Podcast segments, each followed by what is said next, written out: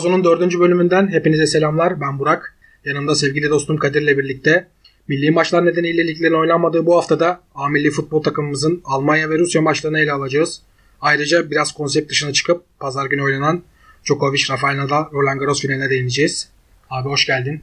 Hoş bulduk kanka. Nasılsın? İyi sen nasılsın? Ben de iyiyim çok teşekkürler. Çok yoğun bir hafta geçirdik. Geçirdik aslında değil mi? Geçirdik ya. Özellikle hani pazar günü full randıman aldığımız bir gün oldu. Bir Pazar yandan- günleri ama böyle güzel. Evet. Hem Formula 1 olsun, böyle tenis bu hafta, maçları bu hafta var. çok özeldi. Bir yandan Hamilton 91. Grand Prix zaferini elde etti. Michael Schumacher'le Grand Prix'leri eşitledi. Schumacher'in o e, oğlu tweet atıyor gördün mü? Evet gördüm. Onu da gördüm. Ondan sonra zaten öyle on- o bittikten sonra Roland Garros finaline geçtik. Djokovic Rafael Nadal maçına geçtik. Orada da Nadal'ın Djokovic'i sağdan sildiği, 3-0'la derdest ettiği Wimbledon e, Roland Garros finalini izledik. Akşam bir e, Rusya Türkiye maçıyla geçiş yaptık ve gecede Kral LeBron James'in Lakers'la ilk şampiyona ulaştı. Kariyerinde dördüncü şampiyona ulaştı. NBA finalinde geceyi kapattık yani. Sen de LeBron'cu musun kanka? Yani şu an için aktif olarak Değil mi? yani. Ama genel olarak baktığın zaman ben Jordan diyorum. Aa, Evet. Yani 6'ya 4 zaten şampiyonluklarda da üstünlük var. Benim Guat'ım orada Jordan. aa. Yani kanka ben Jordan'ı çok izleyemedim. En son bu Bugs Bunny'li olan bir çizgi film var. evet. Space Jam. O- Şimdi yani onda da şey oynayacak. Bizim LeBron oynayacak. Aa, Ana karakteri süper. Space Jam 2 Ama olması gerekiyor şimdi artık. Aynen. Yeni neslin Yeni neslin Guat'ı LeBron. Ee, dilersen çok da vakit kaybetmeden millilerimizin Almanya ile yaptığı ve sağdan 3-3'lük skorla ayrı- e, ayrıldığımız maçla başlayalım. Ama ondan önce ben bir kısa bir hikaye yapmak istiyorum yine. Aa, güzel. Hikayeyle Güzel. devam ediyoruz. devam edelim. Bu sefer bir transfer hikayesine değineceğim. Genç futbolcu Carlos Vinicius'un hikayesine götürmek istiyorum sizi. Carlos Vinicius 19 yaşında baba oluyor abi. 13 yaşında baba oldu. 19. 19 yaşında. 19 yaşında baba oldu. Bile- Brezilya'da bir oyuncu. Bir de oralarda biliyorsun biraz daha hani erken yaşlarda evlenilen çoluk çocuk sahibi Kadro planlaması yok. Aynen öyle. Doğum kontrolü vesaire yok. 19 yaşında baba olduğu zamanlarda Palmeiras U20'de oynuyordu Carlos Vinicius. Ama 19 yaşında yaşını Tabii U20'de oynuyor işte Palmeiras'ın U20 takımında oynuyor. Ee, Ondan sonra Brezilya'nın Caldense ve Anapolis takımlarında oynamaya başlıyor ama bir türlü profesyonel olamıyor Vinicius. Ee, yıllar geçiyor, hızla ilerliyor ve yaşı da 22 oluyor. E bir yandan da eve ekmek götürmesi lazım. Bir ailesi var, bir bebeği var. Baba, baba. Ekmek bekliyor yani. E, neyse e, artık profesyonel de olamadığı için futbolu bırakma kararı aldı. Ve hepimizin de tahmin edeceği üzere tam Bu o arada şu an bir, bir çocuğu var değil mi? İkincisi olmadı da. onu tam bilmem ben de abi. Ha, tamam. E, şeyine bakamadık yani. Onu bir araştırırız. Ay, soy, soy kütüğüne bakamadık. Ee, işte ondan dolayı futbolu bırakma kararı aldığı günlerde şansı dönüyor ve e, artık futbolu bırakmaya doğru son maçlarını yaparken hani last dance yapmaya hazırlanırken Real SC takımının hocası Luis Neves onu keşfediyor ve Portekiz'e götürüp profesyonel yapıyor. Portekiz'e götürüp profesyonel yaptıktan bir sene sonra 4 milyon euro İtalya Serie ekiplerinden Napoli'ye transfer oluyor Vinicius. Yani 2017'de evine ekmek götürmek, çocuğuna bakabilmek için futbolu bırakmaya hazırlanan Carlos Vinicius 2020 20 yılına geldiğimizde Premier Lig ekiplerinden Tottenham'a transfer oluyor. Orada müthiş bir Vay inanılmaz. nereden nereye yani. İşte hayat olmuyor dediğimiz anda olanlardır. Hayat tam olarak insanın vazgeçemi iştir. diyerek Müthiş, müthiş bir sözle de kapattık. kapattık. Burada bir kurumuş boğazım iyi giderdi. İyi giderdi. Şeyde editte bunun altına verelim. Editte onu bir ya da öyle verdik gibi kabul edelim. Ee, çok da uzatmadan Almanya maçıyla başlayalım. Almanya maçıyla ilgili e, öncelikle birkaç maç önü istatistik vermek istiyorum. Almanya'ya karşı son galibiyetimizi 8 Ekim 2005'te İstanbul Atatürk Olimpiyat Stadı'nda yapılan özel karşılaşmada Nuri ve Halil'in golleriyle 2-1 kazanarak elde ettik. Ayrıca A milli takımımız tarihinde ilk kez Almanya'ya rakip olduğu bir maçta 3 gol atma başarısı gösterdi. En son bu Avrupa Şampiyonası'nda 2 gol atmıştık. 3 yenilmiştik. Malum 2008'deki o Malum. unutulmaz şampiyonada ne yazık ki 3-2 kazan kaybederek Kadroyu zor çıkardığımız bir maçta. Aynen öyle. Yani e, neredeyse Sabriler falan havada uçuşuyor. aynen kaleci yedeği falan yoktu yani Tolga Molga Tabii, vardı tabii. bir. 17, Sıkıntılı bir 17 süreçti. kişiye falan bayağı düştü sakatlıklardan vesaire. Cezalar da vardı Evet. o turnuvada. E, Milli takımımızın ayrıca ben genel bir e, özet bilgi vermek istiyorum milli takımımızla ilgili. 25,5 yaş ortalamasına sahip bir milli takım jenerasyonumuz var. Piyasa değerimiz 300.6 milyon euro ile gayet çok çok iyi bir Şimdi seviyede. kulüp takımlarının 70 milyon civarı, Galatasaray 75, Fenerbahçe 76, 76, beş- 77. e, Başakşehir 80, bir de e, Beşiktaş'ta 70 civarıydı. O da Evet. Galatasaray'dan Yani- bir, bir tık alttaydı. 4-5 kat değerli bir İnanılmaz bir şey. kulüp takımlarımızın değerli bir milli takımımız var. Ayrıca 16 tane lejyonerimiz var ki bu tüm kadronun %57'sini oluşturuyor. Gayet iyi bir sayı 16 lejyoner. Ki buradan da yabancı sınırı diyenlere de selamlar olsun. Şenol Güneş izliyor mudur acaba? Yani illaki izliyordur. Hoca, hoca o çünkü yani. Hoca ben değilim milli takımda. Ayrıca kadromuzdaki en, be- e, en değerli 5 oyuncumuz da 40 milyon euro ile Çağlar Söyüncü, 29 milyon euro piyasa değeriyle Ozan Kabak, 27 milyon euro piyasa değeriyle Merih Demiral ve 23'er milyon euro değerle de Cengiz ve Hakan'dan oluşuyor. Ayrıca 19 yaşındaki Orkun Gökçü'nün de 17,5 milyon euro değeri var. E, Almanya maçıyla başlayalım. Sen Almanya karşısında millilerimizi nasıl buldun? Yani Almanya artık zaten e, tartışılacak bir takım değil. Ki attıkları gollerde de oynadıkları oyunlarda da bunu gösterdiler. Yani özellikle bütün golleri tam Almanya kılıçında gollerdi. Özellikle 3. gol. İlk gol. ilk gol de çok Kesinlikle, iyiydi. kesinlikle. 3. gol tam e, Schmidt'in golüydü galiba değil mi? Watch aynen. Evet. O, o da çok güzel bir goldü. Yani kaleci olarak da çok yapabilecek bir şey yoktu. Savunmanın da çok yapabileceği bir şey yoktu bence. Yani tabii ki e, Çağlar e, olsa çok daha iyi olur muydu? Bence kesinlikle daha iyi olurdu. Ama Ozan'ı da ben beğeniyorum kanka. Yani, Hoca ama bir arayış içinde. Ozan e, son maçta da 10'da 12'li mücadele kazandı. E, Melih de Melih de 9'da 9 kazandı. Yani savun, Evet. Türkiye'nin savunma açısından zaten e, bir önümüzdeki 5-10 sene daha böyle götürebilecek bir Çok potansiyeli duruyor. Yani artık belki de Kalede de aynı şekilde. stoper ihtiyacı olan önce bir Türkiye'ye geliyor. Evet, bakıyor. evet.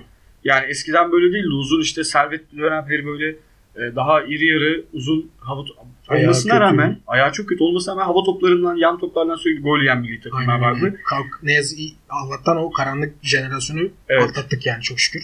E, o dönemlerde ama bizim hücum e, jenerasyonlarımız forvet dışında yani forvette de biz uzun süre e, bu dönemde ben bunu aşabildiğimizi düşünmüyorum aslında. Tabii Burak Yılmaz'a bağımlıyız Evet, hala. Burak çünkü artık e, bu seviyeler seviyelerde ne kadar oynayabileceği meçhul. E, ama şimdi Kenan atıyor. E, Yedeklerde Ahmet Kutucu var Şalke'de. yani bizim forvet forvetle alakalı problemimizi ve orta sahada e, Hakan'la alakalı problem e, Hakan'ı efektif kullanabilirsek. Ya Hakan da kötü oynamıyor. Çok eleştiriyorlar onu anlamıyorum. Yani, Yani, milli takımda çok eleştiriliyor hani çünkü ama Mil- Hakan Milan, bu zaten. Yani böyle Mil- oynuyor. Milan'da bambaşka çok daha iyi bir Evet, ama performans ama, Milan'daki görevini biz ona burada Hı. veremiyoruz yani. Bir ikincisi yani milli takım dediğin adam e, her gün milli takımda oyuncularla antrenmana çıkmıyor. Özellikle hücum organizasyon. Yani savunma için bu çok e, yine bir nebze absorbe edilebilir bir durum ama hücumda oyuncuların gerçekten birbirleriyle geçirdikleri zaman Ha, takım Evet. kimyası dediğimiz olay. evet çok önemli. E, savunma gibi değil bu açıdan.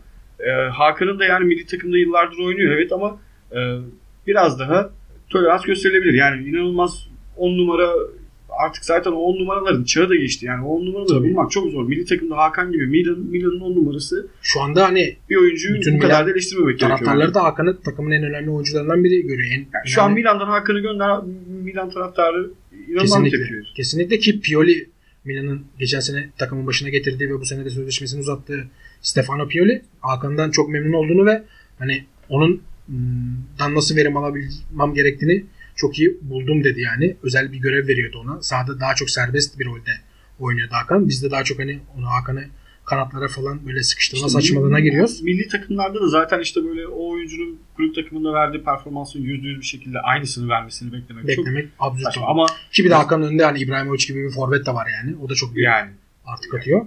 bir diğeri e, duran toplarda Hakan'ın gösterdiği yani mesela e, Rusya Rusya, maçında. bir gol attık ya sonraki pozisyona direkt aynı golün benzerini pozisyon olarak yaşadı. Yine Aynen. Melih çevirebildi. Aynen öyle. E, sonraki vuruş çok iyi olmamasına rağmen. Yani e, zaten işte duran toplar falan artık futbolda yani belki 20 yıldır zaten duran toplar artık futbolda çok önemli diyor insanlar. Yani Kesinlikle. Hatta Avcı'nın da bir açıklaması vardı geçtiğimiz günlerde.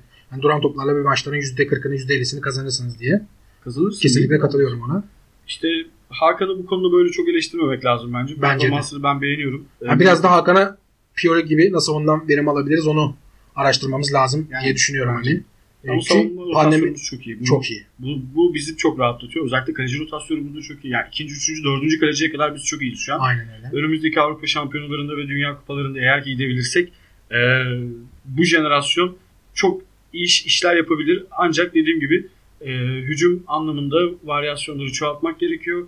E, duran toplarda iyiyiz. Duran toplardaki bu efektif performansımızı fa- farklı organizasyonlarla yani aynı organizasyon üzerinden sürekli değil de çünkü ayağı kuvveti çok önemli oyuncularımız var. E, mesela Cengiz inanılmaz bir e, şutör. inanılmaz bir şutör. Yani Kesinlikle Roma'da da olsun, milli takımda da olsun, Başakşehir'de de olsun. sol sol ayaklı Zaten bu inanılmaz şutörler genelde böyle sol ayaklı futbolculardan veya iki ayağını kullanabilen oyunculardan Aynen. çıkıyor. Çünkü kaleci orada onu beklemiyor. E, Genelde de kaleciler sağdan şut gelmesine odaklı e, biraz daha pozisyon aldıkları için soldan şut bu kadar sert ve etkili şutlar gelmesi kalecileri ister istemez daha zor pozisyonlarda bırakabiliyor. E, Cengiz son maçta iki tane inanılmaz şut çıkardı. E, Biri kalecinin zorlukta çıkarttığı, birisinin de direkten direkt. döndüğü. Burak neydi bu arada son maçta? Evet katılıyorum. Ama, Ama, işte burada yaşı gereği biraz daha ekonomik kullanmamız lazım. Çünkü ön alan baskısında bazen Evet. Burak'la hani e, kondisyonu yetmiyor, yoruluyor Burak'ta. Almanya maçıyla devam edersek eğer ben hani e, attığımız goller üzerinden gi- gidersek şayet Almanya karşısında 3 golü de biz akan oyundan yedik. Ki bu çok ciddi bir e, alarm verdi aslında savunmamız, takım savunmamız açısından.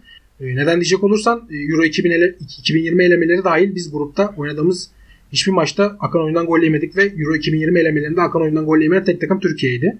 Ayrıca Uluslar Ligi'nde de ilk iki maçta akan oyundan gol yemedik. Sadece bir gol yedik. O da duran topta Macaristan maçında Szaboszlai'nin golüydü, golüydü. Ben burada biraz bunun nedenini Çağlar'ın eksikliğine bağlıyorum. Bilmem sen katılır mısın? Kanka ben şöyle bir yandan katılıyorum. Bir yandan da e, tandemimizin zenginliği de var yani. Şimdi e, evet, Çağlar yok ama Çağlar Çağlar'ın sakatlığı olacağı çünkü İngiltere Premier Lig'de oynuyor Çağlar. Her maç e, milli takıma bu e, aynı katkıyı yapamayabilir. Yani Çağlar e, Leicester'da oynadığı gibi milli takımda oynayamayabilir. Tabii. Ama Bizim- olduğu zamanlarda çok çok iyi bir Evet çok iyi. performans. Lider Özellikle bir stoper. olan e, ikili Aynen. uyumları çok üst seviyede. Meri zaten e, yani topu al, almak için topu gördüğü zaman ben bu topu alacağım diyor. Çok- Cesur yürek. Evet. Gerçekten. Ama Bu ben konuda Luyendama ile ben paralel görüyorum. Yani Evet. Luyendama da müdahaleler Korkusuz. konusunda girdiği zaman o topu alacak müdahaleyi yapmaya çalışıyor. ama belki de Meri o pozisyonlarda biraz daha hani sakınılabilir. Çünkü geçen o yaşadığı sakatlıkta da yine Can Avli ile girdiği bir pozisyon sonucu ağır bir sakatlık Ama geçirmişti. Şunu da eklemem lazım. Melih'in yerine Ozan oynadı. Ee, Ozan da yani ayağı, Gayet iyiydi. ayağı çok sağlam. İçi, yani içeri kat edebiliyor ve içeri direkt pas atabiliyor. Bu milli takımda böyle bir oyuncunun olması bizim için çok büyük avantaj. Çünkü bu defa 6 numaralar biraz daha Rahatlıyor. geriye yaslanmadan oyunu götürebiliyor. Dolayısıyla oyunu önde daha rahat kurabiliyoruz. E Bu bütün hücum varyasyonlarını pozitif etkiler. Yani sen orada çünkü 6 numaranın gelip o topu alıp dışarı kadar öne ön alana kadar götüre, götürmesi çok e, zaman olarak sana 5-10 saniye falan kaybettiriyor. 2 pas, 3 pas, 4 pas. E Tabii. Zaten rakip takım yerleşiyor. O- Kaleye gitmen, pozisyon bulman, boş alan bulman daha da zorlaşıyor. Ki Açamazsın. zaten Ozan'da da hani bu sene yazın e, Liverpool iddiaları vardı Ozan için transferi Ozan'ın gündemdeydi. ben burada geleceğini E, gerçekten transferin son günlerinde Milan görüyorum. yazıldı. yazılır. Daha Ozan Çağlar zaten Premier Lig'de yılın takımına seçildi Van Dijk'la birlikte. Stoperlerimiz ciddi anlamda elit seviye stoperleri. Melih de Melih de keza Juventus'ta sat- e, satılması kesinlikle yasak olan futbolcular listesinde. Hani teklif dahi edilemez diye madde teklif dahi edilemez. maddeyi. Aynen öyle. Andre Pirlo tarafından. Ee, devam edecek olursak şayet ben e, Akan oyuna yediğimiz gollerden sonra e, özellikle yediğimiz ilk golde e, şeye gitmek istiyorum biraz da. A- Alman futbolunun profesör lakaplı antrenörü Ralf Rangnick bir takımın gol bulma olasılığının topu kaptıktan 10 saniye içinde topu geri kazanma olasılığının ise topu kaybettikten sonraki 8 saniye içinde maksimuma çıktığını yıllar öncesinde belirtmişti. E, nitekim bu maçta da Almanya ilk golünü topu kaptıktan sonra 9 saniye içinde buluyor. E, bizim de Ozan'ın attığı gol ve Efecan'ın attığı golde de yine 10 saniyenin altında golü bulduk. Ozan'ın attığı golde uzaktan attığı golde Ozan topu kaptıktan sonra 6 saniye içinde gol oldu. Efecan ise topu kaptıktan 4 saniye e, içinde gol Sana atmış bunu bir olduk. espriyim mi kanka? Tabii. Ee, 4, 4 sene oldu galiba. 4 veya 5 sene önce Boğaziçi Üniversitesi, Üniversitesi'nde bir seminere katılmıştım. Bu SAP diye bir Yazılım. yazılım firması var biliyorsun. Evet. Ee, o dönem işte onun Türkiye koordinatörü konuşmasında e, Almanya milli takımının örneğini vermişti. Ee, Dünya Kupası hangi sene? Dünya Kupası oynanmıştı galiba. Tam hatırlamıyorum ama bu 7 bir Şimdi- Brezilya maçının olduğu. 2014. Tamam. Okey süper. Ee, o dünya maçını örnek olarak vermişti ve onun üzerinden futbolla olan ilişkilerini işte şimdi hatta çoğu böyle belgeselde vesaire bir yerlerde de geçiyor işte Dortmund'la Aynen. Almanya bu konuda SAP zaten Alman Evet. marka. yani zaten göğüs sponsoru da genelde oluyorlar. Hoffenheim'in göğüs sponsoru. Yani e, yazılımlarla işte işi doğru matematikle, doğru mühendislikle çünkü Almanlarda biliyorsun mühendislik Kesinlikle. çok iyi. Yani Bunu birileri futbola adapte özellikle ederek futbolun günümüzde bu kadar hızlı oynanmasında Almanya ekolü de buna çok iyi ayak uydurduğunu düşünüyorum ben. Bak e, Almanya'da önümüzdeki sene Almanya futboldan yani Brezilya gibi olmayacak mesela. Brezilya her sene her sene Brezilya'nın iyi bir jenerasyonu vardır ama her sene Brezilya Dünya Kupası'nda etkili performans gösteremez. Ne kadar 5 kere de kazanmış olursa olsun. Tabii o Mesela şeyi kırıldı. Almanya turnuva takımıdır. Çünkü futbolda değişti. Almanya turnuva takım, takımıdır evet ama Almanya aynı zamanda bir disiplin ve bir metot takımı. Şimdi yeni yeni e, düzenin metodunu da kazandılar. Almanya önümüzdeki Dünya Kupalarında, Avrupa Şampiyonalarında vesaire daha yani yetenekli futbolcular çıkarmasa takım oyunu, metot mühendisliğiyle devam edecekler diye. Kesinlikle katılıyorum ben de hani özellikle bu kulüpler bazında da Almanya bu işi çok iyi yapıyor. Bayern Münih gibi birileri işleme konusunda da. yani, kanka e, yıllar önce Almanya Ligi hiç bu kadar popüler, bu kadar Yani değildi. Yani hiç 5 yiyen Dortmund içeride yine 70 bin taraftar oynuyor. kesinlikle hani o hani her anlamda adamlar hani bir işin şeyi olmayı başarıyorlar yani. Bayrak taşıyanı olmayı başarıyorlar. Ozan'ın golüne ben de yemek istiyorum. Ozan gayet İnanılmaz inanılmaz bir goldü gerçekten. Belki de kariyerinin en güzel gollerinden birini atmış olabilir. Milli takımda bir gol daha böyle çok güzel bir gol. Evet o da sanırım Euro 2016 elemelerindeydi. Hani ben hatta ilk başta şaşırdım acaba birine çarptı da öyle mi girdi Değil mi? İnsan falan. bir şaşırıyor. Aynen. Ama sanki böyle sonradan tekrarını izledikten sonra bildiğin hiç kimse çarpmadan böyle paraşütle bırakmışın gibi düştü. Ozan'ın gelişimi son yıllarda hani özellikle geçen sene yükselen gelişimi bu yılda devam ediyor. Geçen sene de ligi 6 gol 6 asistle bitirmişti Fenerbahçe formasıyla. Ki bu seneki e, Fenerbahçe'de oynadığı pozisyon yani ben Fenerbahçe'de açık, açık söyleyeyim e, Ozan'ın bu sene bu performansları değil görebileceğini e, ilk 11 oyuncusu falan olmasını çok zor bekliyordum. Çünkü o, o mevki Fenerbahçe'de çok dolmuştu. Ama o da bir şeylere farkına varmış. bir şeylerin farkına varmış. Yani kendi kapasitesini açmış. Yeni bir hareket alanı Kesinlikle. kazanmış. Artık buralara oynuyor. Yani Performansını da giderek arttırıyor. ki bence Ozan Türk orta sahalar içinde hani dribling ile topu ikinci bölgeden üçüncü bölgeye taşıyabilen Bir numara. Ender. Benim, ya benim gözümde bir numara. bence Yani de yani oraya- ender oyunculardan biri.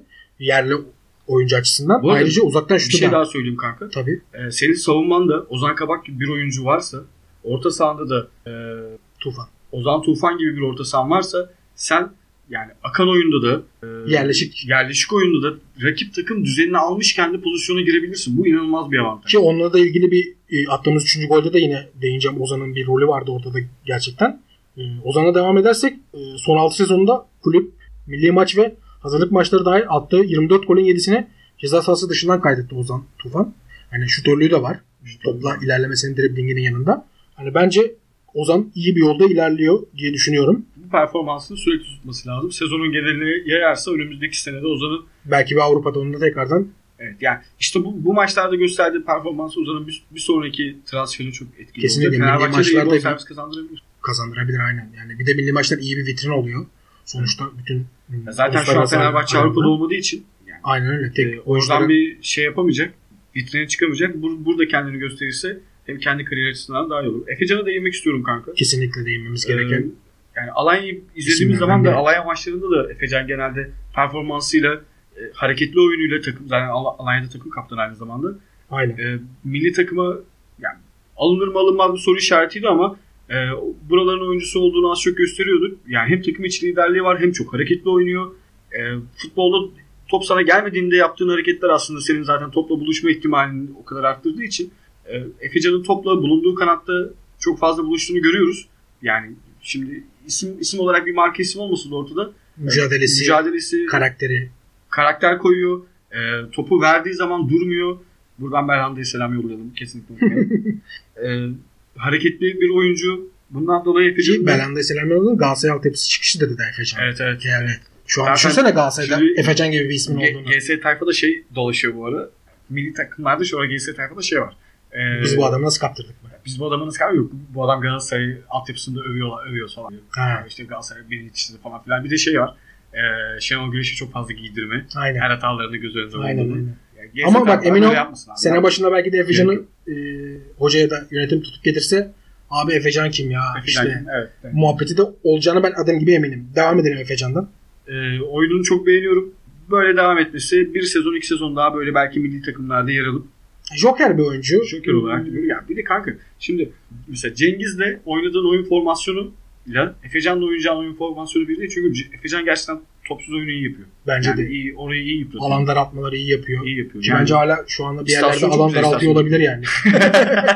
bir yerlerde. bir yerlerde alan daraltıyor olabilir yani. Ciddi anlamda Almanya maçında çok beğendim Efecan'ı. Yani Rusya maçında o kadar iyi olmaması ya işte bak bu var. Şimdi Rusya maçında o kadar iyi değildi. Hemen B planı ikinci yarı Cengiz de geldi. Bambaşka bir oyunda. Ya inanılmaz Elimiz bir kuvvetli. ikinci yarı oynadık. Gerçekten. Ben milli takımı son dönemlerde geçeceğiz. Rusya, maçının ikinci yarısı kadar iyi bir milli takım gördüğümü hiç hatırlamıyorum. Efecan'la ilgili ben de birkaç bir şey söylemek istiyorum. Ee, Efecan özellikle hani Türkiye içinde gerek hücum geçişlerinde gerek set hücumlarında senin de dediğin gibi topsuz koşularıyla çok fark yaratan bir oyuncu. Ayrıca taktiksel anlamda da çok kullanışlı bir oyuncu Efecan. Yani Efecan'ı kanatta kullanırsın, sağ içte yaparsın. İşte ön alan baskısında e, bitmek tükenmek bilmeyen enerjisiyle e, ön alan baskısını çok iyi yaparsın Efecan'la ki Efecan'ın kaptığı top ön alan baskısıyla hani biraz da Evet. olsa da Deniz şortuyla sahaya gelen insan tiplemesi var ya. aynen ben korkarım. Evet, Bak dur- bu oyuncudan dur- korkarım. durmayan- Durmayan insan tipleme. Aynen Efecan öyle. gerçekten milli takımın o görevini O görüyor. görevi aynen öyle. Yani dediğim gibi Efecan e, övgüleri hak etti Almanya maçındaki performansıyla. E, Üçüncü golü geçtiğimizde ben üçüncü golü aslında hazırlanış açısından en çok beğendiğim goldü. Hatta Ozan Tufan'ın ilk Çok sık Golünden- görülebilecek bir gol değildi. Bak, kesinlikle. bu golü Almanya atsa da çok sık görülebilecek Bence bir ufak çaplı bir Bayern golüydü. Neden diyecek olursan Yok yok, ufak çaplı değil. Gayet yani Bayern Münih atsa Şampiyonlar Ligi'nde Bayern Münih'in bu golü attı, attığını gördüğü zaman o ne güzel gol işte Bayern bunları yapıyor. kesinlikle dersin. katılıyorum yani. Baktığımız zaman şimdi oyun sola doğru akarken Ozan Tufan topa basıp oyunun yönünü değiştiriyor. Ki bu bence şahaneydi. Almanya'nın e, bir anda dengesini, takım yerleşimini çok güzel bozdu Ozan. Oradan direkt Dorukan'a gördü. Dorukan ayak dışıyla çok iyi bir şekilde ceza sahasına indirdi topu. Abdülkadir'in ki o da müsait bir açıda vardı kaleye vurmakta. Ama kaleye vurmayı denemeyip boş daha boştaki arkadaşı Kenan'ı gör, görmeksi çok çok güzel bir hazırlanış açısından gol al- oldu. Hani Ozan da adeta biraz da bana hücum setlerine görev yazın diye bağırdı.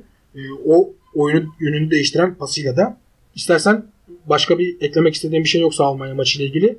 Ee, ikinci maçımız olan Rusya maçıyla devam edelim. Yani Rusya maçının ilk yarısını takımı çok beğenmedim açıkçası. İstersen birkaç maçını notla. Tabii. Ben Rusya maçıyla başlayalım. İlk 11'imizde Mert Zeki, Meri Ozan, Umut Meraş. Defansı orta sahada Mahmut Ozan, Hakan Çalhanoğlu. Solda Kenan, sağda Efecan. Forvet'te Burak vardı. Ee, Rusya'nın da eksiklikleri vardı. Özellikle 3 tane kritik ismi eksikti. Alexey Miranchuk, e, Fernandez, Mario Fernandez ve Golovin eksiklikleri göze çarpan Mario eksikliklerden. Fernandez herhalde Moskova açıklarında. Oralarda bir Yani bilmiyorum artık. Bizde de eksiklikler vardı. Mert Müldür, İrfan Can, Orkun, Ahmet Kutucu ve Kaan Ayhan. Rusya'nın piyasa değeri 139.6 milyon euro. Bizden çok çok daha düşük bir piyasa değerine sahip. Transfermarkt verilerine göre. Rusya'ya karşı daha önce 6 maç yapmıştık. Bunların ikisinden beraberlikle dördünden ise mağlubiyetle ayrıldık. Geçen sene iki kere karşılaştık Rusya'yla. E, bu maçların ikisini de kaybettik. 2-1 ve 2-0 yenildik geçen sene. E, Rusya ise Macaristan ve Sırbistan maçlarını kazanarak ikisinde de üçer gol atarak 2'de 2 ile başladı maça. Dilersen Rusya maçıyla başlayalım. Sözü sana bırakıyorum. Az önce de söyledim kanka Rusya maçının ilk yarısı takımı hiç beğenmedim. Yani o şey e, alıştığımız artık son dönemlerde alıştığımız diyeceğiz yani. Biraz daha milli takım güven veren bir milli takım haline geldi. İlk Tabii. yarı çok bunları görmedik. Özellikle hücum anlamında durgun bir milli takım vardı. Böyle Almanya maçındaki hareket dahi yoktu yani. Rakip daha kolay nispeten. Hatta Siyahla yarı- beyaz gibiydi ilk yarıda Evet. ikinci yarı. Ama ikinci yarı yani zaten konuşulacak bir şey varsa ikinci yarıyla alakalı olacak. İkinci yarı inanılmaz bir değişim vardı takımda. Ya zaten bu reaksiyonları gösterebilmek lazım. Yani maç 1-1 biter yenilebilirsin bu arada. Ama şimdi Avrupa Şampiyonası'na katılacağız. İşte Dünya Kupası elemeleri olacak. Yani bu buralarda da tabii puanlar işte hazırlık maçı dahi olsa milli takımların kazanması bir özgüven verir oyunculara ama Zaten eleştiriler de biraz Şenol Güneş'e o yöndeydi yani. kazanmak lazım. Müthiş bir potansiyelimiz var. Neden hani oynayacağımız oyun da belli. Rusya karşısındaki oyunu daha fazla görmek istiyor insanlar haliyle. Ya işte duran toptan gol atmamız çok e, Çalışılmış, set çalışılmış çizilmiş iyi bir oldu. oyundu. o. Çünkü yıllardır, yıllardır milli takımın en büyük e, problemi hep yan toplardan yediğimiz gollerdi. Ki Rusya zaten sürekli yan toplarla geldi. Kanatları çok kullanan bir takım Rusya. E, hızlı çıkan bir takım. Kaptığı topları çok hızlı hücuma taşıyan bir Ataklarının takım. %50'sini bizim sol kanadımızdan yaptı Rusya. Yani hızlı da oynuyorlar. E, yani kadro değerleri ne kadar bizim e, yarı yarı gibi görünse de Rusya hiç öyle küçümsenecek, azımsanacak bir takım da değil. Bunu, bunu da ilk yarıda gösterdiler. Ya ikinci yarıda da bazı pozisyonlarda bunu, bunu gösterdiler. Hızlı oynayan bir takım olması bir handikaptı ama bizim işte e, savunma oyuncularımız özellikle buralara artık çok alışkınlar, çok hızlı futbol seviyelerde oynayabilen Premier. Lig'de, İtalya Ligi'nde, Almanya Ligi'nde oynayan futbolcularımız var. Bundan dolayı milli takım e, ikinci yarı hızlı oynadı, çabuk adapte oldu, oyunu force etti. Özellikle son 10-15 dakika iyi. Cengiz'in yani oyuna girmesi zaten bir kere başlı başına Bambaşka. ikinci yarıyı çok hareketlendirdi. İki tane inanılmaz şutu var, onu konuştuk. Evet. Ee, yani Cengiz bu şutları, bu golleri daha çok atacak. Çünkü ayak gücü var onda. Zaten Premier Lig'e transfer olmasının sebeplerinden biri de o sahip olduğu potansiyeldendi yani. Umarım Premier Lig'de bu performansını gösterebilir. Sürekli forma bulması gerekiyor. Leicester forma rekabetinin çok yoğun olduğu bir takım. Çünkü artık bence İngiltere Premier Ligi'nin 5 takım arasında sürekli olacak gibi duruyor yani. Evet. Yani belki 5 sene sonra olmayabilir. o da biraz bu, bu ağır bir sakatlıktan çıktı daha yeni. Evet. Tabii yavaş yavaş form tutmaya başlıyor. Ama Ama ben şu an 45 Cengiz'den dakikalarda e, 45-50 dakikalık oyunlarda Cengiz e, gayet etkili oynuyor. 90 dakikayı çıkarır mı çıkaramaz mı belli değil. Yani onu e, yavaş yavaş belki arttıracaktır ama şu an gayet e, Cengiz görevini iyi yerine getiriyor. Onun dışında Hakan'ı ben ikinci yarı performansını özellikle duran toptan organizasyon dışında e, beğendim. Hakan, Daha önde topla buluştu. Evet, iyi, iyi performans gösterdi. Burak'ın kafa vuruşu vardı direkten. İkinci yarının dışarı hemen çıktı. başında. Ee, o da iyi bir pozisyondu. Burak genel olarak zaten savunmaları çok yıpratan bir oyuncu araya yaptığı koşularla. Ee, milli takımın hücum varyasyonları özellikle son 10-15 dakikada yani Rusya'yı sahasından çıkarmadı. %30'da olsa taraftarıyla oynayan bir takım olmasına rağmen Rusya Tabii. son 15 dakika gömülmek zorunda kaldı. Hiç pozisyona çıkamadılar. Tamamen force ettik ikinci yarıyı. Ee, genel olarak takım beğendim. Ee, kaleci zaten e, Mert Almanya maçında da kötü değildi. Yedi, yedi gollerde yapılacak çok bir şey yoktu. Yani Ama bu maçta da fena değildi. O da güven vermeye devam ediyor. Sen ne düşünüyorsun? Ben de e, ilk yarıda dediğim gibi ilk yarı ve ikinci yarı ayrı değerlendirmek lazım aslında. Rusya ilk yarıya çok iyi başladı. İlk 5 dakika özellikle çok iyi bir ön alan baskısını yaptılar. E, biz de hani orada elimiz ayağımız dolaştı biraz hani. Çok top kaybı yaptık arka arkaya. E, 3-5 pas bile üst üste yapamadık. Yani maça kötü başladık aslında. Normalde biz geriden oyun kurma mentalitesinde olan bir milli takımız ki ön alan baskısından dolayı uzun oynama opsiyonuna döndük. Stoperlerimiz de baskı yedikçe topları Mert'e çıkış yolu olarak Mert'e oynayarak bulmaya çalıştılar. Ki Mert ilk yarıda 10 top kaybıyla sahanın en fazla top kaybı yapan oyuncusu oldu ki Mert'in ayağı hani bence İyidir. iyidir, yani. Özellikle Ama sen uzun topu hangi kaleciye bırakırsan bırak yani ne kadar iyi olabilir. ya öyle ama hani yine de Mert bu kadar ben ondan pas hatası beklemezdim. Ee, dediğim gibi 10 tane pas hatasıyla ilk yarının en fazla Yıldızı. ismi oldu Mert. Ayrıca top Rusya'dayken biz rakibi 4-4-2 şeklinde karşıladık. Burak'ın yanına Hakan geçiyordu orada. Rakip yeri alanda çok adamla ilk defa belki de yerleşip pas yapabildiğimiz an 17. dakikada oldu. Yine geriden oyun kurarken bir pozisyonda e, Mert hata yaptı. Topu rakibe nişan, nişanladı. Hani hatırlıyorsundur sen de. E, Rusya orada pozisyona girdi ve Mert karşı karşıya iyi çıkarttı. Hatta sonradan hakem offside bayrağını kaldırdı ama yine de e, sinyaller veriyordu yani golün geleceğini. Ki Rusya zaten 28. dakikada Miranchuk'un golünün önüne geçti. Çok çabuk geldiler. Orta alanda kaptırılan topta elini kolunu sallaya sallaya Rusya geldi. Rusya da bu arada ileride Avrupa şampiyonlarında veya işte Dünya Kupalarında e, bu hızlı oyununu, oyun mentalitesini sürdürürse Zaten- iz bırakacak bir takım. Zaten ben 2018 Dünya Kupası'nda Rusya'da düzenlenen Dünya Kupası'nda Rusya'yı çok beğenmiştim. Çok hızlı oynuyorlar. Ben Özellikle 64 kaptırma maçın falan. 64'ünde izleyen ülkedeki ender Evet. isimlerden biriyim Dünya Kupası'nda. Benim için hani bambaşka bir Dünya Kupası'nı. Hatta onunla ilgili geçen de bir sözde bunu şey yapmak istiyorum. Perçinlemek istiyorum. Arsene Wenger'in bir açıklaması vardı hafta içinde. Cennette ya da cehennemde Tanrı ile konuşurken ona tüm hayatımda sadece futbol olduğunu söylemek gülünç olacak demişti. Bende de bu durum böyle yani. Aynı o şekilde Arsene Wenger'in yoluna devam ediyorum ben de. Ee, ikinci yarıya ikinci yarıya geçecek olursak senin de dediğin gibi e, Cengiz'in oyuna girmesiyle çok fazla hareketlendik. Kilit adamlardan biri oldu Cengiz. Ben ikinci yarıdaki oyunumuzu beğendim. İlk yarıdaki özellikle o e, geriden oyun kuramadığımızdan dolayı e, oyunu daha çok bekler üzerinden kurmaya çalıştık. Ki maçın sonuna baktığımızda Zeki'nin kaçırdığı inanılmaz pozisyon. aa, içim gitti orada Brown gerçekten. orada, Brown orada pası çok iyiydi. O, o- Aynen. Zeki maç, maç boyunca çok iyiydi bu arada. Bence Ben de. Zeki'yi ben de beğendim. Onu da Zaten golle taşlandırabilirdi. Çok, Kesinlikle. çok net pozisyondu. net pozisyonda hani atılmasını ben bekliyordum. Hatta bir an gol diye ayağa kalktım ama olmadı ne yazık ki. E, oyun kurmada devam edersek stoperlerimize baskı yediğimiz için biz oyunu beklerden kurmaya doğru e, şekil aldık ve maç sonundaki istatistiklere baktığımızda da en fazla topla buluşan oyuncularımız Umut ve Zeki oldu. İki bek oyuncumuz 88 ve 86 kezde. Ayrıca Bek'e göre inanılmaz bir şey. bence de yani stoperler baskı yiyince mecburen oyunu biz beklerden kurmaya döndürdük mecburen. Ki Umut'la Zeki de dediğim gibi en fazla topla buluşan oyuncular oldu. Ayrıca Umut Meraş sahanın en fazla isabetli pas yapan oyuncusu oldu. 58 pas isabetiyle. Zeki de e, buna karşılık 16 pas hatasıyla maçın en fazla pas hatası yapan oyuncusu. Ama Zeki Oldu. biraz daha öne doğru daha öne doğru gitmeye çalışan bir oyuncu olduğu için bu pas hataları Evet. falan yapması biraz Yani tolere edilebiliyor yani. Çünkü Şeydeki sürekli baskı baskı üzerinde Aynen öyle. oynayan bir oyuncu. Aynen İleri öyle. çok çıkan bir oyuncu. Katılıyorum sana.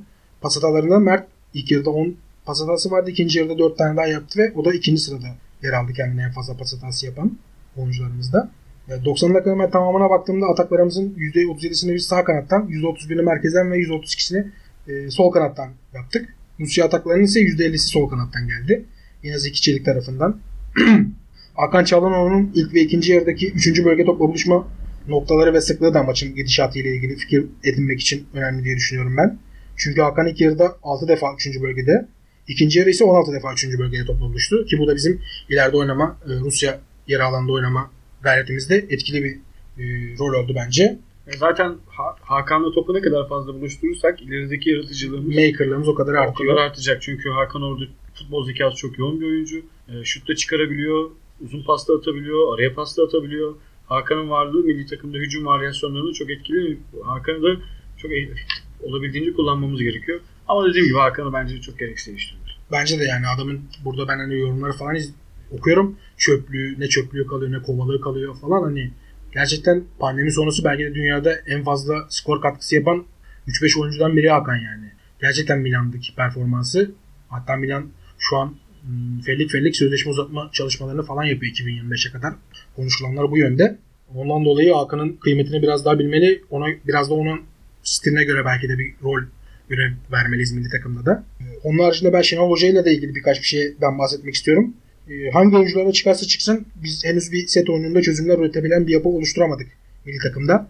Bu yüzden topa daha çok sahip olduğumuz ve karşımızda daha derli toplu, derin savunmalarla oynayan zayıf rakiplerimiz yani kağıt üstünde görece olarak zayıf rakiplerimize karşı, karşı mesela iç sahadaki Andorra maçında e, ecel telleri döktük. 1-0 duran O toptan kazandık.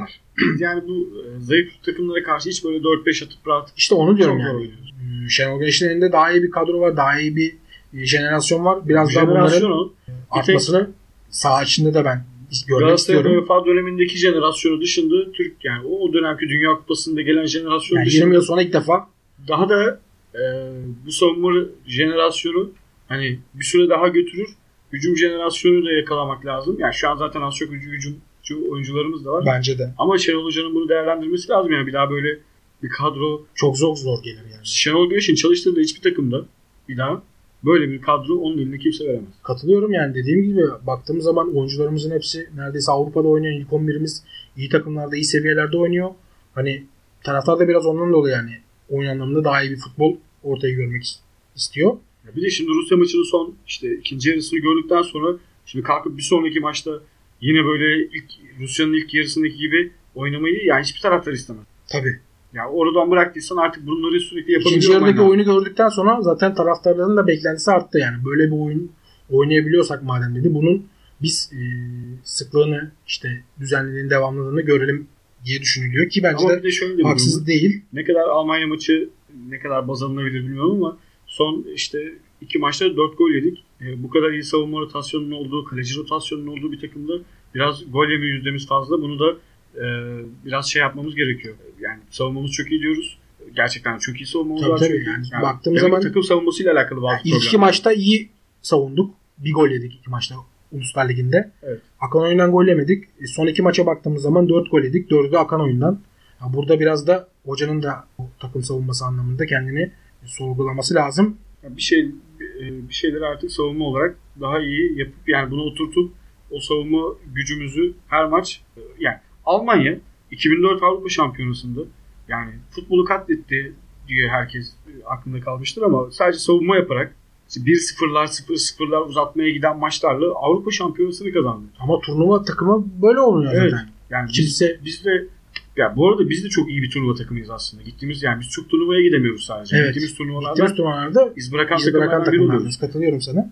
Hani Fransa mesela maçında mesela ya da Almanya maçında işte görece kağıt üstünde bizden daha iyi takımlara topu daha çok sahip olan takımlarda topsuz oyunda biz daha iyiyiz. Biraz da işte dediğim gibi e, set oyunlarına çözümler üretmemiz lazım gerektiğini düşünüyorum ben. Genel olarak milli takımla ilgili söyleyeceklerim bu kadar iki maç çerçevesinde. İstersen biraz da pazar günkü Roland Garros. Roland Garros'a geçelim. Nadal dünya bir numarası Djokovic'i Fransa açıkta Roland Garros'ta derdest etti adeta. Sağdan sildi 3-0. Ama toprakta olduğu zaman Nadal için çok yani zaten bu Şaşırılacak sonuç maçı değil. izlerken de maçı öncesinde de Yani hep beklediğimiz bir şeydi bu. E, Nadal'ın Kesinlikle. yani toprakta başka bir şey oynuyor. Bambaşka bir Bambaşka bir- bürünüyor yani. Gerçekten. Oynuyor. Ya enteresan bir şey. Ben yani hiç toprakta tenis oynamadım. Böyle şimdi de oynamadık değil mi? Hep şeyde oynadık. Tabii sen. Ee, sert zeminde oynadık. Herhalde o yumuşak zemine biraz bir şey yapmış o toprağa. yani çok enteresan. Yani Yani toprağın şeyi falan da farklıdır yani. Top sekmeleri olsun. İşte o topun geliş hızları, açıları olsun çok değişkenlik gösterir yani sert zemine göre Yani değildir. ilk seti abi 6-0 almak değil mi? 6-0 yani Djokovic süpürdü. oynuyorsun yani. Yani Ki 1891 yılından itibaren Roland Garros'larda ilk iki setler itibariyle sadece iki oyun veren tarihteki ilk tenisçi oldu Rafael Nadal. ama yani çok force ediyor. Zaten Nadal'ın e, paralel forehandleri ne karşı koyabilecek bence şu an teniste Federer dahil e, tek oyuncu Djokovic. Ama Tabii. işte toprak olduğu zaman Ama tanınmayacak Olaylar çok- Djokovic. evet, Djokovic de çok kötüydü. Konsantre eksikliği Evet. çok fazlaydı. Basit hataları çok fazla yaptı.